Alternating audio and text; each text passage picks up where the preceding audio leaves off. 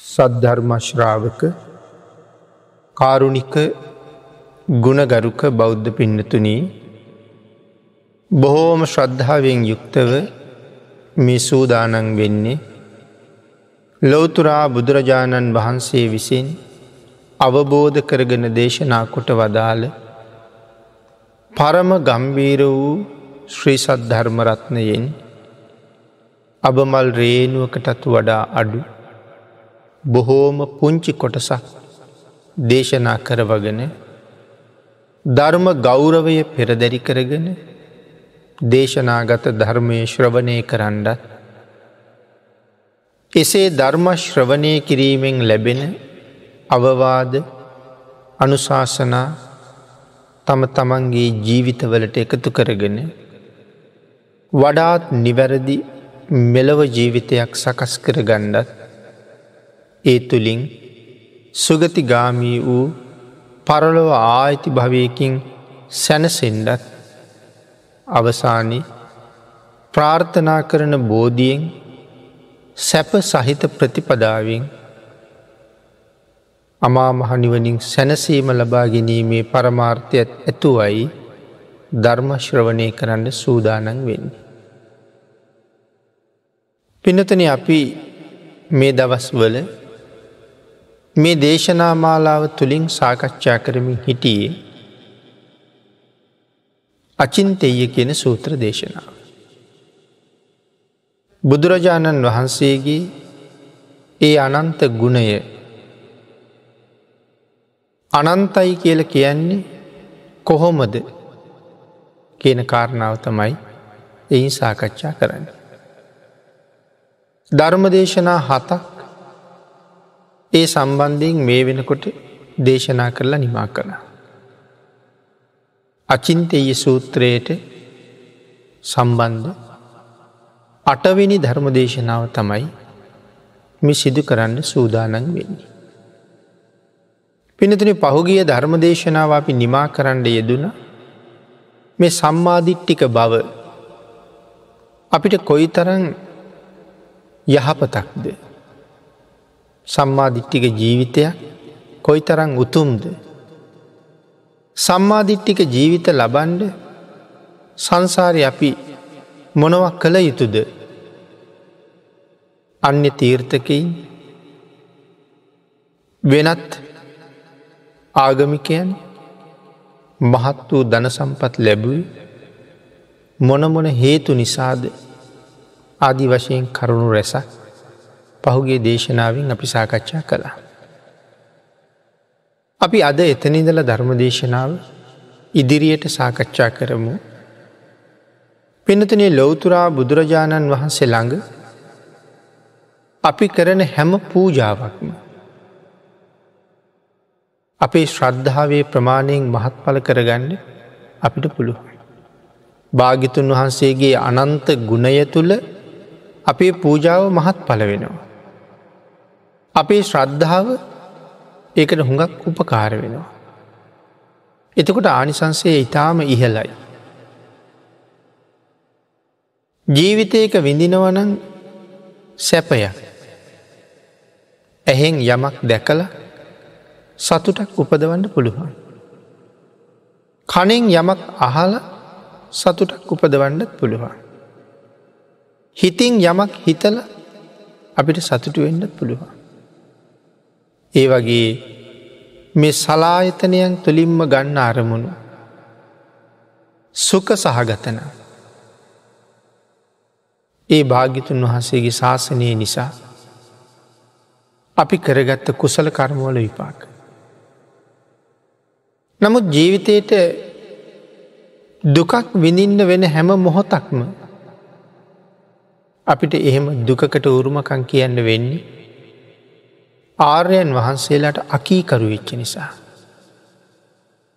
මේ ගෙවන ජීවිතවල අපි දුක සැප දෙකම මිශ්‍රව ගත කරනවා. වැඩිපුර තියෙන්නේ දුක දෙන්නෙන වෙලාව. හේතුව තමයි ආර්යන්ට අකි කරුවීම. යම් කෙනෙක් ප්‍රාණඝාතය යෙදෙනවන ඒ බුදුරජාණන් වහසට අකී කරුවෙච්ච නිසා. ඇයි බුදුරජාණන් වහන්සේ අපිට එපා කියල දේශනා කළා. සිල්පද පහම ගැන කතා කළු එහෙමයි. වේරමණී කියලකිව වැලකෙන්ඩ කියලයි කීවි. නමුත් භාග්‍යතුන් වහන්සේ සියලු කරුණුකාරණා දැනගෙන විපාකයක් දැනගෙන අපිට දේශනා කලා මේ වැඩේ කරන්න එපා කියලා. ඉතින් එපා කියල තියෙනකොට අපි නැවත නැවතත් ඒ කාර්යම කරනව නං අකීකරු බවනතින්. අම්ම තාත්තා යම් දෙයක් එපා කියද්දි දරුවෝ ඒකම කරනවන මව්පියන්ට අකීකරුවීම. ගුරුවරයා යම් දෙයක් එපා කියද්දි ඒකම කරනවන ගුරුවරයට අකීකරුවීම. භාගිතුන් වහස යම් දෙයක් එපා කියලා තියෙනකොට ඒකම කරනවාන භාගිතුන් වහසට අකීකරුවීම. එතකොට ඒකේ විපාකය අනිවාරෙන් දුක් සහගතයි. සිල්පද පහම අපි උල්ලංඝනය කළත් විපාකය දුක් සහගතයි. එතකොට එහෙම දුක් සහගත විපාකයක් අපිට විඳින්ට සිද්ධ වනේ භාගිතුන් වහසට අකිකරු වෙච්චි නිසා. ආං ඒකයි සඳහන් කළේ මේ සලායතනයන්ගෙන් යං සැපයක් විඳිනවනන් ඒ භාගිතුන් වහස නිසාම තමයි. මේ ජීවිතය යම් දුකක් විඳිනවනං ඒ භාගිතුන් වහසේට ආරයන් වහසලට අකීකරවීමේ ප්‍රතිඵලයක්මයි. දුකක් විඳින හැම මොහොතකම. දුකක් දැනෙන හැම මොහොතකම. සසර මාවිසින් ආර්යන්ට අකීකරවීමේ පලයක් මයි මේ බුක්ති විඳින්න කියල හිතලා. ඒ අකීකරුවීම මේ තරං වේදනා සහගත නං නැවත නැවත අකීකරු නොවෙන්ඩ තමයි අපි තීරණය කරන්න. ආර්යන්ට අකීකරු බව. මහන්න වේ මයන් බන්තේ නිමුගා දීග සම්බයි. අපපතිස්සා අපපතිටහා සංසරාම චිරචිරහිරහි. එම සඳහන් කළේ මහානාගරජ්ජුරු. මහන්න වේ මයම් බන්ති. මහා අන්න වේ මහන්න වී කෙලකිවේ එකයි. මේ මහා භවසාගරී. නිමුග්ගා දීග සම්භවී. අති දීර්ඝ කාලයක් අපි ගිලිල හිටිය. මහා භවසාගරයේ දීර්ඝ කාලයක් අපි ගිලිල හිටිය. නිමුග්ගා දීග සම්බලී. අපපතිස්සා අපපතිට්හා සංසරාම චිරන්තහි. මේ තරම් කාලයක් මේ සංසාරි සැරිසැරුව. ඒ තරහි තුම්හේ ආපජ්‍ය පතිට්ටන් අධිගච්චරි දීර්ඝ කාලයක් සංසාරි සැරිසැරුවේ ආරයන්ට අකීකරු වෙච්ච නිසා. එනම් මේ වෙලාවේ අපිට ලැබිලතියනෝ පිහිට අපිට ලැබිලතියනෝ සරණ නිමුගා දීග සම්සම්. අපපතිස්සා අපපතිට්ටා සංසරාන චිරංචිරහිර. ඒ තරහිතුන් හේ ආපජයි පතිට්ටන් අධිගච්චරි. දීර්ඝ කාලයක් බව සංසාරය ගිලිල හිටපු අපිට දැන් පිහිටන්ඩ තැන ලැබිල තියෙනවා.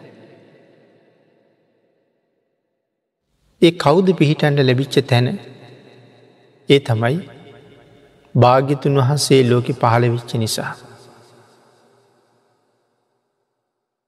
ආගේ නිසා ස්වාමීණී ඔබ වහන්සේට වැඳල මේ සංසාරයෙන් අපි ගොඩට යනවා. මහනාග රජ්ජුරු කියනවා. මුබහන්සේට වැඳල මේ සංසාරෙන් අපි ගොඩට යනවා. එනම් භාගිතන් වහසගේ ශාසනයේ ලැබිල තියෙන මෙවන් අවස්ථාවල් වල. අපි නැවත නැවත බොහෝ කුසල් සිද්ධ කරගෙන මේ සසරින් එතර යන්න මුත්සාහ කරන්නට. අදත් සතරාපායෙන් වෙන් වෙලා සතර අපාය කියන තැන නෙමේ අපි මේ ඉන්නේ. තැ අපි සතරාපායෙන් දැනට දැනට මිදිලයි ඉන්නේ. නමුත් සතර අපාය සත්වයාගේ මහගෙදරවාගේ. අපි එහෙනම් සතරාපායෙන් මිදුනේ වෙන කවුරුවත් හිද නෙමේ. බුදුරජාණන් වහන්සේ නිසාම තමයි අපි දැන් කතා කරන්න සැපයක් වින්දනං ඒ භාගිතුන් වහස නිසා කියලා. මේ විඳින්නෙත් සැපයක්. මෙතන ඉන්න බුදුරජාණන් වහන්සේ හින්දා. ඒක ය රජ්ජුරුත් සඳහන් කළේ. පිහිටන්ඩ තැනක් ලැබුණා ඒ භාගිතුන් වහස නිසා. එහින්ද මෙතෙන්ට ආවට පස්සේ අපි තාමත් බුද්ධාන්තරයක ඉන්නවා මනා ප්‍රයෝජන නෙලාගෙන සංසාරෙන් එතර යන්ඩ බවසයුරෙන් එතර යන්න සතරපායෙන් විදෙන්ඩම තමයි කටයුතු කරන්න ඕනේ. අං ඒ නිසා මෙතන සඳහන් කළා විශේෂයෙන් කරුණු පැහැදිලි කරනකොට. අපේ බුදුරජාණන් වහන්සේ ඔබටත් මටත් මේ සංසාරය කරලා තියෙන උපකාරය මෙච්චරක් මෙපමණක් කියලා සීමාවක් නෑ. සසර පුරාම උපකාර කරලා තියෙනවා. බුදුරජාණන් වහන්සේලා. අපේ භාගිතන් වහන්සේ සිද්ධාර්ථ බෝසතාණන් වහන්සේ. හැටියට මෙලව උපද්දවපු අම්මා බුදුරජාණන් වහන්සේට නයයි. සාමාන්‍ය ලෝකෙ හැටි දරූ මව්පියන්ට නයයි. නමුත් මහබෝසතාණන් වහන්සේගේ අම්ම ලොවතුරා බුදුරජාණන් වහන්සේට නයයි.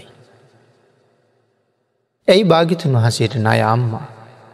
අපි අම්මට ණය වෙනකොට මහාමායා දේවින් වහන්සේත් සුද්දෝදන රජ්ජුරුවත් භාගිතුන් වහසට නයයි. මව්පියන්ට තියෙන ණය අපිට කවදාවත් ගෙවල ඉවර කරන්න බෑ එක ධර්මයම් සඳහන් කළා. හැබැයි ඉවර කරන්න ක්‍රමයකුත් ධර්මය තුළම දේශනා කළා. අපිට පුළුවන් සිල්ගන්නේ නැති මව්පියෝ සීලේටියමු කරන්න. තිසරණ නැත්තං තිසරණයට හරවුණු. පන්සිල් නැත්තං පන්සිල් ආරක්ෂා කරන කෙනෙක් බවට පත් කරවනවා. එතෙන්ට ගෙනාවට පස්සේ උපෝසත සිල් සමාධන් කරවන්න කටයුතු කරන්න පුළුවන්.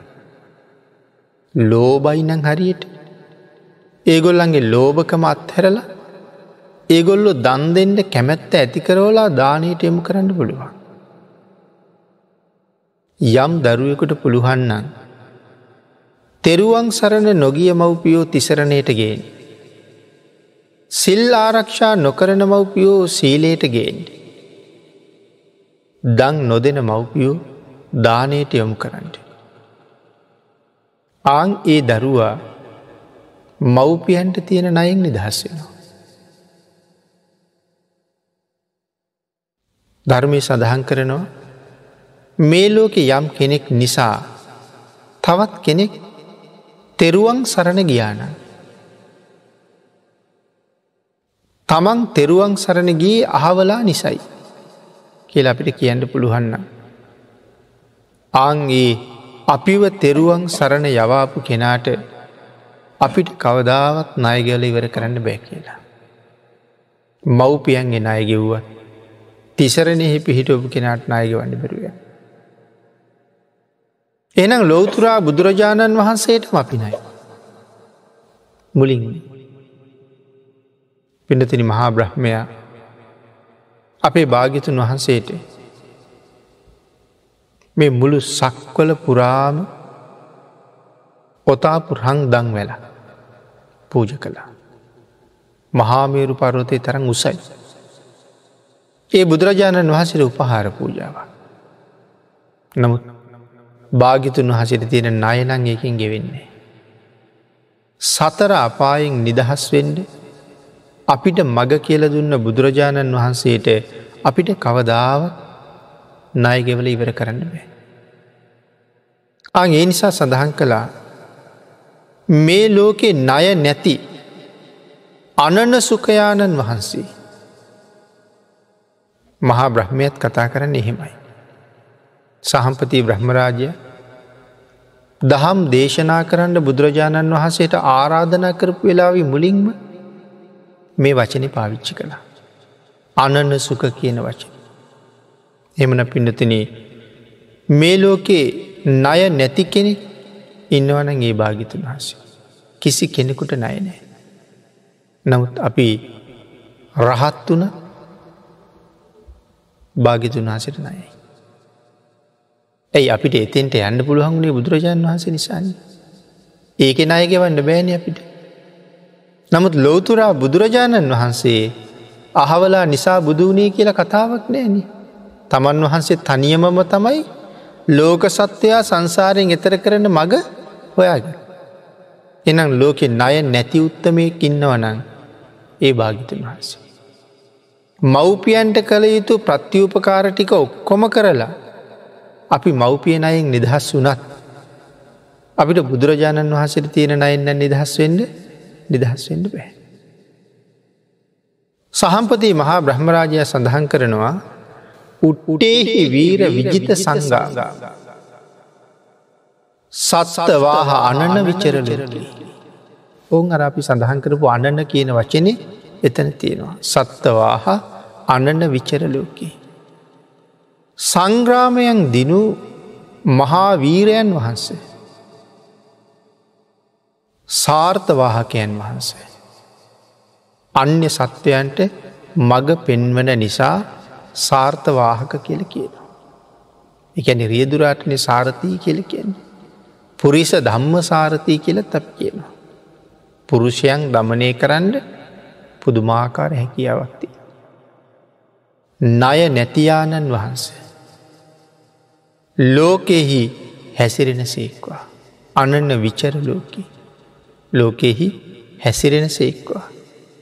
දෙසස්සු භගවා ධම්මන් අඥ්ඥාතාරූරුස්ස. ඔබහන්සේ අවබෝධ කරගත්ත ධර්මය ලෝක සත්වයට දේශනා කරන සේක්වා. ඒ ධර්මය අවබෝධ කරන්න ප්‍රඥාව ඇති අය මේ ලෝකෙ ඉන්නවා ස්වාමී. භාගිතුන් වහසෙත් ඒ වෙලාවි පිළිතුරක් ලබල දුන්න. මම ධර්ම දේශනා කරන්න තීරණය කළා. මොද පිනති නෝක ලොවතුරා බුදුරජාණන් වහසලා හැම කෙනෙකුටම ඇතිවෙන මැලි බවක්. කාටද අවබෝධ කරගත්ත ධර්මය දේශනා කරන්න කියල හිතන වෙලාවේ මේ මැලි බව ඇතිවෙනවා කියලා ධර්මයම සඳහන් කරනවා. එකට හේතුව තමයි රාගයෙන් රත්තිච්ච දවේශයෙන් මත්තෙච්ච මෝහයෙන් මුලාවෙච්ච දහමක් නොදන්න මේ මිනිස්සුන්ට මේ ගැඹුරු ධර්මය දේශනා කලාට තේරෙනවද කියලා හිතනවා. ඒක ෂණයක් විතර ඇතිවෙන සිතුවිල්ල. දීර්ඝ කාලයක් ඇතියෙන එකක් නෙමෙයි.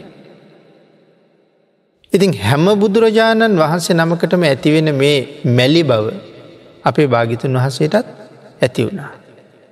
හැබැයි සඳහන් කරනවා ඒ ඇති වෙනවත් එක්කම දිවිය ලෝක බ්‍රහ්ම ලෝක කැළමෙන්ට පටන්ගත්ත කියලා.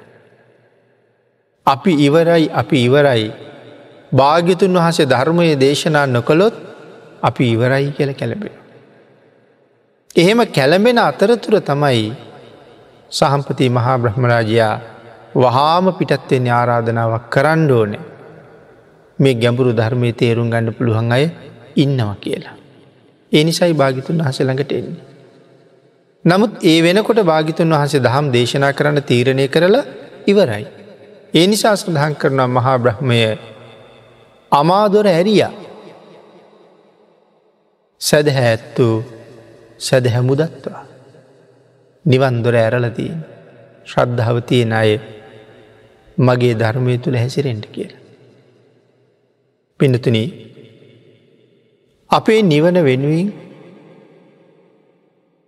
බුදුරජාණන් වහන්සේ වෙහෙසුන තරම්. අපි කවදාවත් වෙහෙසින්නේ. අපේ නිවන වෙනුවෙන් වැඩියෙන්ම වෙහෙසිලා තියෙන්නේ බුදුරජාණන් වහන්සේ. එනම් මේ සත්වයා පිළිබඳව තියෙන අනුකම්පාව කියල සඳහන් කරහම වචනයෙන් ඒ අනුකම්පාව මොනතරං අනුකම්පාවක්ද කියන එක මේ ලෝකෙ කාටවත් තේරෙන්නේ. දීපංකර සම්මා සම්බුදුරජාණන් වහන්සේ ළඟ. සුමේද තාපසතුමා නියත විවරණ ලබනකොට. ගාථාවක් දේශනා කලා නං දීපංකර බුදුරජාණන් වහන්සේ ඒ ගාථාවත් තුන්වෙනි පදය දේශනා කරන්න කලින් රහත්වෙන්න සුමේද තාපසතුමාට පුළුවන්. ඒකැන මොනතරං ඉක්මනට සසරින් විදන්න පුළුවන්කම තිබුණද. ගාථාවක තුන්වෙනි පදේ දේශනා කරන්න කලින් ඒ ශාසනයේ මහාරහතන් වහන්සේ නමක් වෙන්න පුළුවන්. ඒ කියන්නේ නිවන තමන්ගේ අතේ මයි තියෙන. එවන් මොහොතක ඒ නිවන අත්හැරලා තවත් මහාකල්ප අසංක්‍ය හතරයි ලක්ෂය එකක්. සංසාරයට ආවේ බුද්ධත්වය ලබන්ඩ තියෙන තන්හාාව හින්දද. එහෙම එකක් නිසා නෙමේ. ලෝක සත්වයා සංසාරෙන් එතර කරවන්න හිතේ ඇතිවෙච්ච කරුණාධ්‍යාශය නිසා. ලෝතුරා බුද්ධත්වය ලබනවා කියන එක මහා වීර පුරුෂයන්ට විතරයි කරන්න පුළුවන්. ඒවාගේ වීර පුරුෂයෝ ලෝකෙ පහළ වෙන්නේ ඉතාමත්ම කලාතුරකි. ඒකන බුදුවරු මෙච්චර දුර්ලභ කල්ප අසංක්‍ය ගණන් ගෙවෙනවා බුදුරජාණන් වහසල නෑ. දැන් අනාගතයට මෛත්‍රී භාගිතන් වහස පහළ වෙනවා. එක අපි ධර්මය තුළින් හොඳට අහලතියෙනවා. නමුත් මෛත්‍රී භාගිතුන් වහසකින් පස්සේ මහාකල් පාසංකෙයියක් විතර යනකම්. බුද්ධ ශූන්‍යයි. මහාකල්ප අසංකෙයියක් කියල කියහම්. මහාකල්පම එකයි බින්දු එකසිය හතලිහ. බුද්ධ ශූන්‍යයි කියල කියන්නේ. ඔය කාලයේ තුළ පහළවෙන්ඩ පාරමිතා පුරල නිමාකරපු බෝධිසත්වය නෑ කියන එකන. එනම් බෝසත්වරු මොන තරන් දුර්ලබද. ඇයි බෝසත්වරු මෙච්චර දුර්ලබ බුද්ධත්වය කියල කියන්නේ එත් තරම්ම අමාරුකාරය. අතේ තිබිච්ච නිවන පසෙක දාලා. ලොවතුරා බුද්ධත්වය ලබනවා කියල තීරණය කළේ තමන් වහන්සේ සතුව එවන් වීර්යක් තියෙන නිසා. එවන් වීර්ය තියෙන වීර්ය වන්ත පුරුෂයෝ මේවාගේ පහසුවෙන් සංසාරයෙන් එතර වුණොත් කෞුද පින්නතුන අපිට පිහිටවෙන්. කෞුද අපිව සතරාපායෙන් ගලවයි. මුලින් සඳහන් කලා අද මෙතන මෙහෙම ඉන්නේ බුදුරජාණන් වහන්සේ නිසාමයි කියලා. එහෙම නූනා නං මේ වෙනකොට සතරාපාය සංසාරය කොහි දුක්විදීද. ආං ඒක නිසා පුදුමාකාරණුකම්පාව. තමන් වහන්සේ ලෝක සත්‍යයා සසරින් මුදවන්ඩ යනකොට තමන්ටත් දුකක් විඳින්න වෙන බව දන්නවා. නමුත් එය පසක තියෙනවා බොහෝ දෙනාගේ සුවය වෙනුවෙන්. ඒ නිසා බුදුවරුන්ට අපි හැමදාමනයි. ඒක ගෙවල ඉවර කරන්න බෑපින්නතින කවදාව. බුදුරජාණන් වහන්සේට කොච්චර වැන්දත් මදි. දවසේ පැෑ විසි හතරම මුළු ජීවිත කාලෙම බුදු ගුණම කිය කිය හිටියත්. අපි භාගිතුන් වහසිරු පහර කලානං වෙන්නේ. ඒ අය ගෙවල ඉවර කරන්න කවදාවත්ම බැරුව යනවා. එන අපි වෙනුවෙන් වැඩියෙන් දුක්වින්දි භාගිතුන් වහන්සේමයි. මහාකල් පාසංක්‍ය හතරක් තවත් ලක්ෂ එක කී පාරක් අපායන්ට ඇද. කී කාලයක් තිරිසං වුණාද. කී කාලයක් මනුෂ්‍ය වෙලා නොයෙක් දෙනාගේ තාඩන පිඩිනොට ලක්වුණාද. ශාන්තිවාදී තාපසතුමා. විඳපු දුක අපි අහල තියෙනවා. කලාබු රජ්ජුරු කන් දෙක කපල නහය කපල අතපය කපල කොට කෑල්ලක් වගේ ලාකඩවාගේ මුළු ශරීරයම ලෙයින්ම ලෙයින්ම තෙමිල රතුම රතු පාටවෙලා. අපිට මිටික අහගනීන්ට විතරක් පුළුවන්. ඇගිල්ලක් ටිකක් කැපු නහම තියෙන දැවිල්ලක් වේදනාව කන කපල අයින් කරහම්. නහය මූුණ මැද්දෙන් ගලෝලා අයින් කරහම කපල. උරපත්ත ගාවින් අත් දෙක කපාම කලව මුලින් කකුල් දෙක කපාම කොහොම වේදනාවක් දරන්නට. එතකොට සුමේද තාපසතුමා එදා දීපංකර භාගිතුන් වහන්සේ ළඟ රහත්වෙන්නේ නැතුව ලොවතුරා බුද්ධත්වය වෙනුවෙන් සසරට බහිනකොට සුමේද තාපසතුමා මේ බව දැනගෙනින්ට නැතුවද. සුමේද තාපසතුමා කියල කෙනෙ අහසින් යන අභිග්ඥාලාබී තවසේ. කොයි කාලයක් මට අපායන්ට වෙනවාද අද නිවන අත්හැරියොත් කියල දන්නවා. මෙච්චර දුක් විඳින්ඩ සංසාරයට බැස්ස අපි හින්ද. ඒකයි අපිට භාගිතුන් වහස තරන් අනුකම්පා කරපු කෙනෙක් තව නෑ කියල සඳහන් කරන්න. එනම් ඒ මහා කරුණාව ලොවතුරා බුද්ධත්වය ලැබුවට පස්සේ නිමක් නෑ.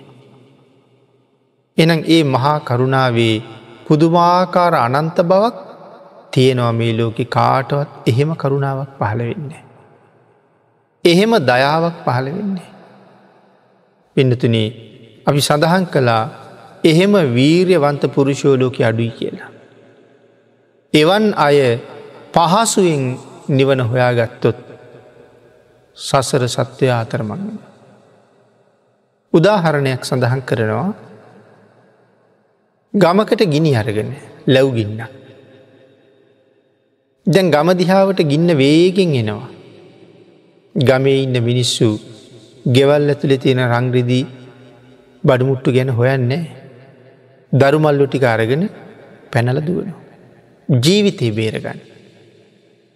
එහෙම දුවගෙන දුවගෙන යනකොට ගඟ කට ගාවට පිරිල ගලන.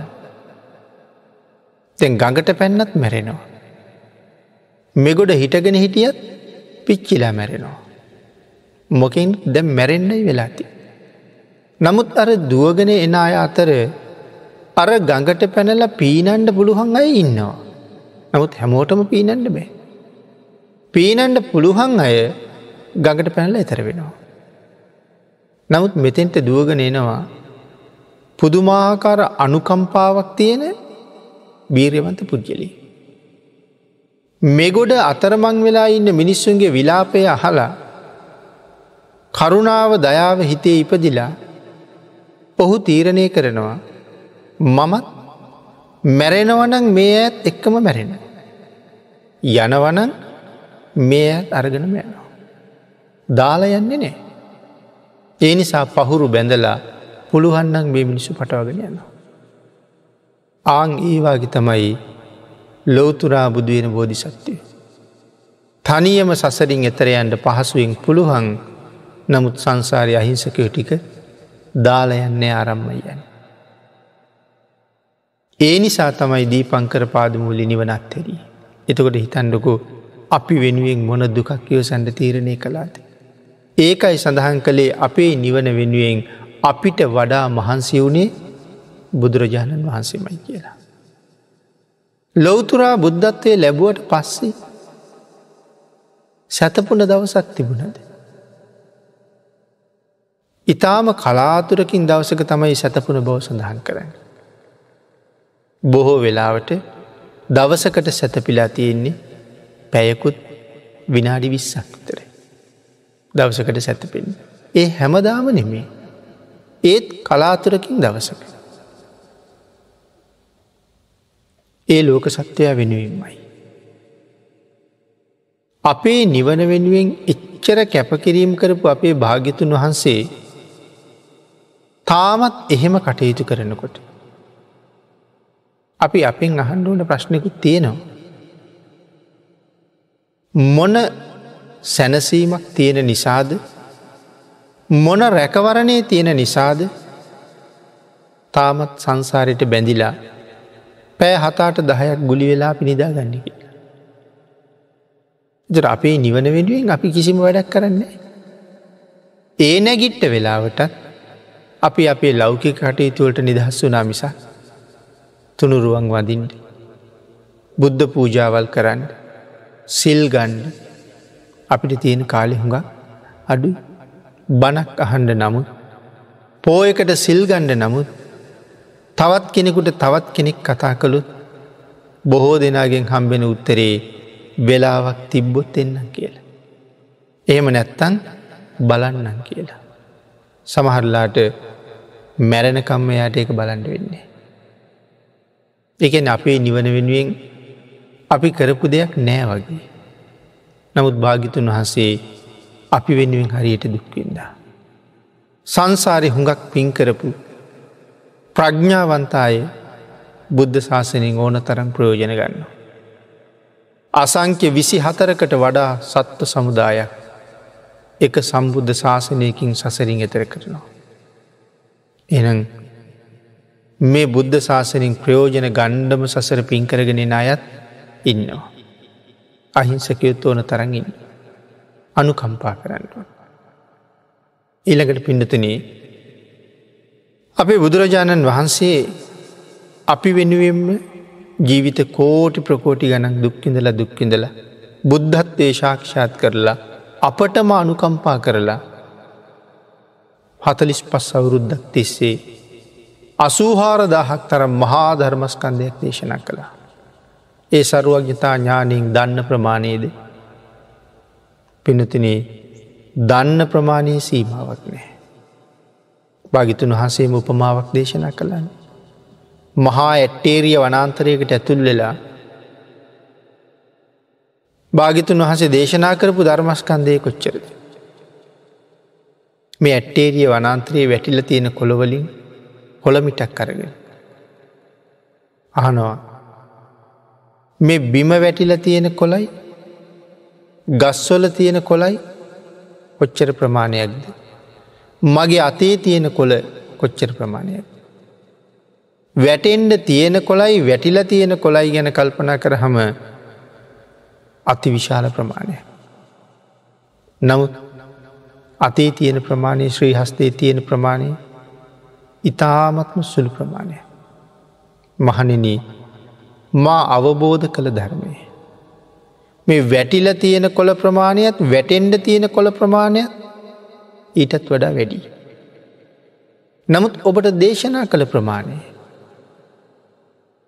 දේශනා කළ ධර්මස්කන්ධ ප්‍රමාණය මේ මිටේ තියෙන කොළ ප්‍රමාණයටත් අඩු.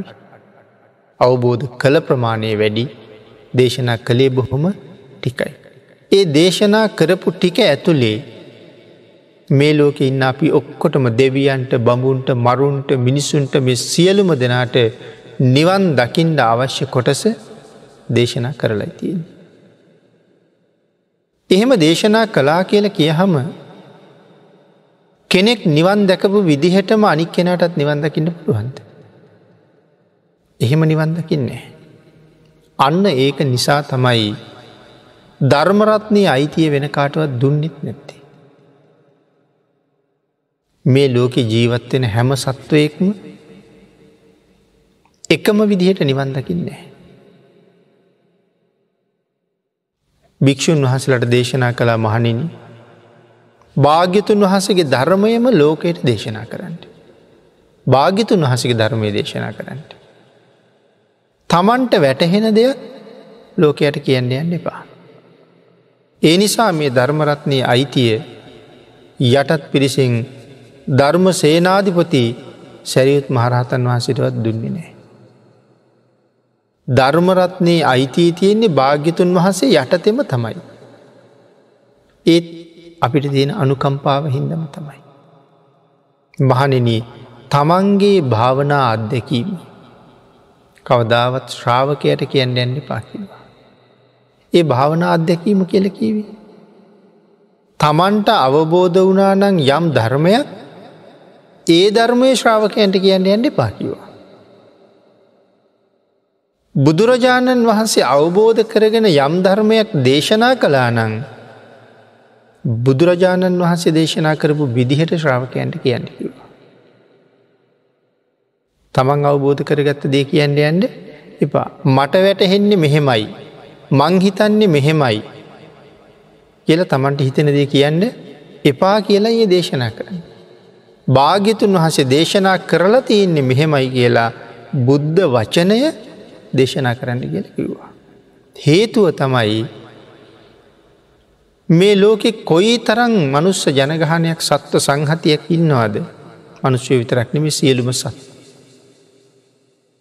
මේ හැම්ම සතෙක්ම නිවන් දකින විදිහ බුදුරජාණන් වහස දැකලයිතිය. අපට අර දේශනා කරපු ධර්මස්කන්ධ ප්‍රමාණය අපි වර්තමානිකය නසූ හාරදාහක් ධර්මස්කන්දය කියලා. මේ අසූහාර දහසක් ධර්මස්කන්දය තුළ මේ සියලුම සත්වයන්ගේ නිවනට හේතුවෙන කරුණු ටික තියෙනවා. එක එක්කෙනා තම තමන්ට ගැලපෙන ගැලපෙන විදිහට ඒ නිවනට ගමන් කරන වන්ඩ අවශ්‍ය කරුණු එතන තියෙනවා.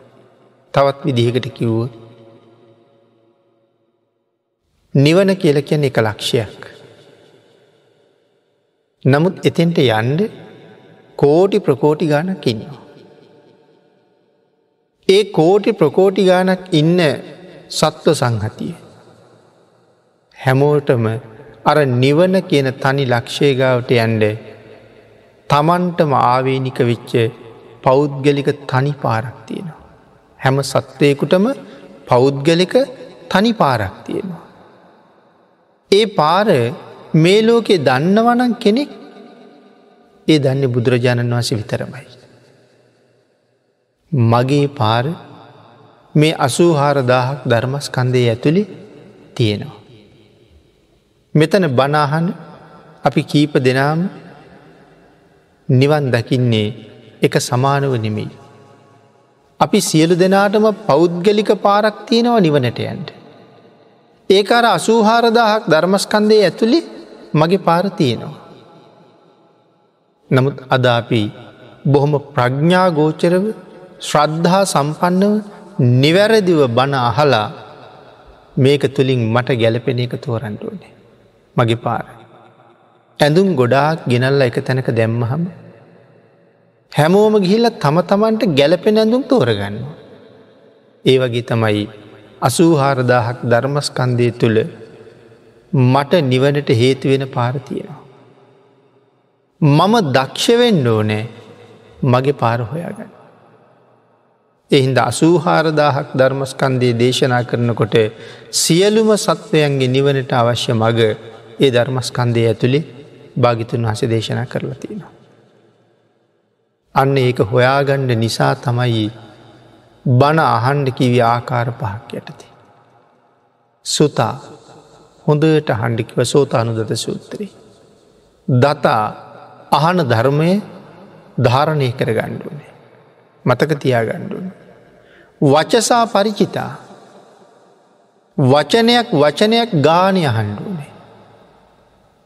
අපි නිවන පරක්කු වෙයි කියලා හිතන්නු. අපේ පිනතුන් කල්පනා කරන්න අපි ධර්ම දේශනාවක් අහන්ඩ වාඩි වුණහම. ඒ දේශනාව ඇතුළේ අපිගේම වචන පන්දාහක් තිබ්බ කියලා. ඒ වචන පන්දාහම මම සිහියෙන් ඇහුවද. කියන ප්‍රශ්නයක් අපි අපෙන් ඇහුවොත් අඩුතරම වචන දාහක්වත් සිහියෙන් ඇහුවත් දන්නේ. නමුත් මෙතන සඳහන් කරන වච සාපරිචිත.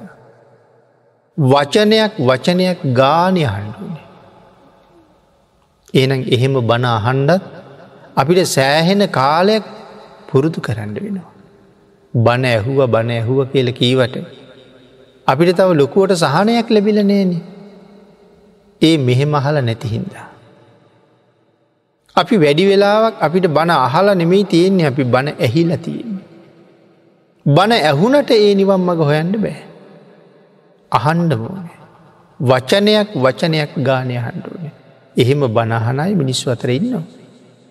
වචනයක් වචනයක් ගානය හන්ඩුව.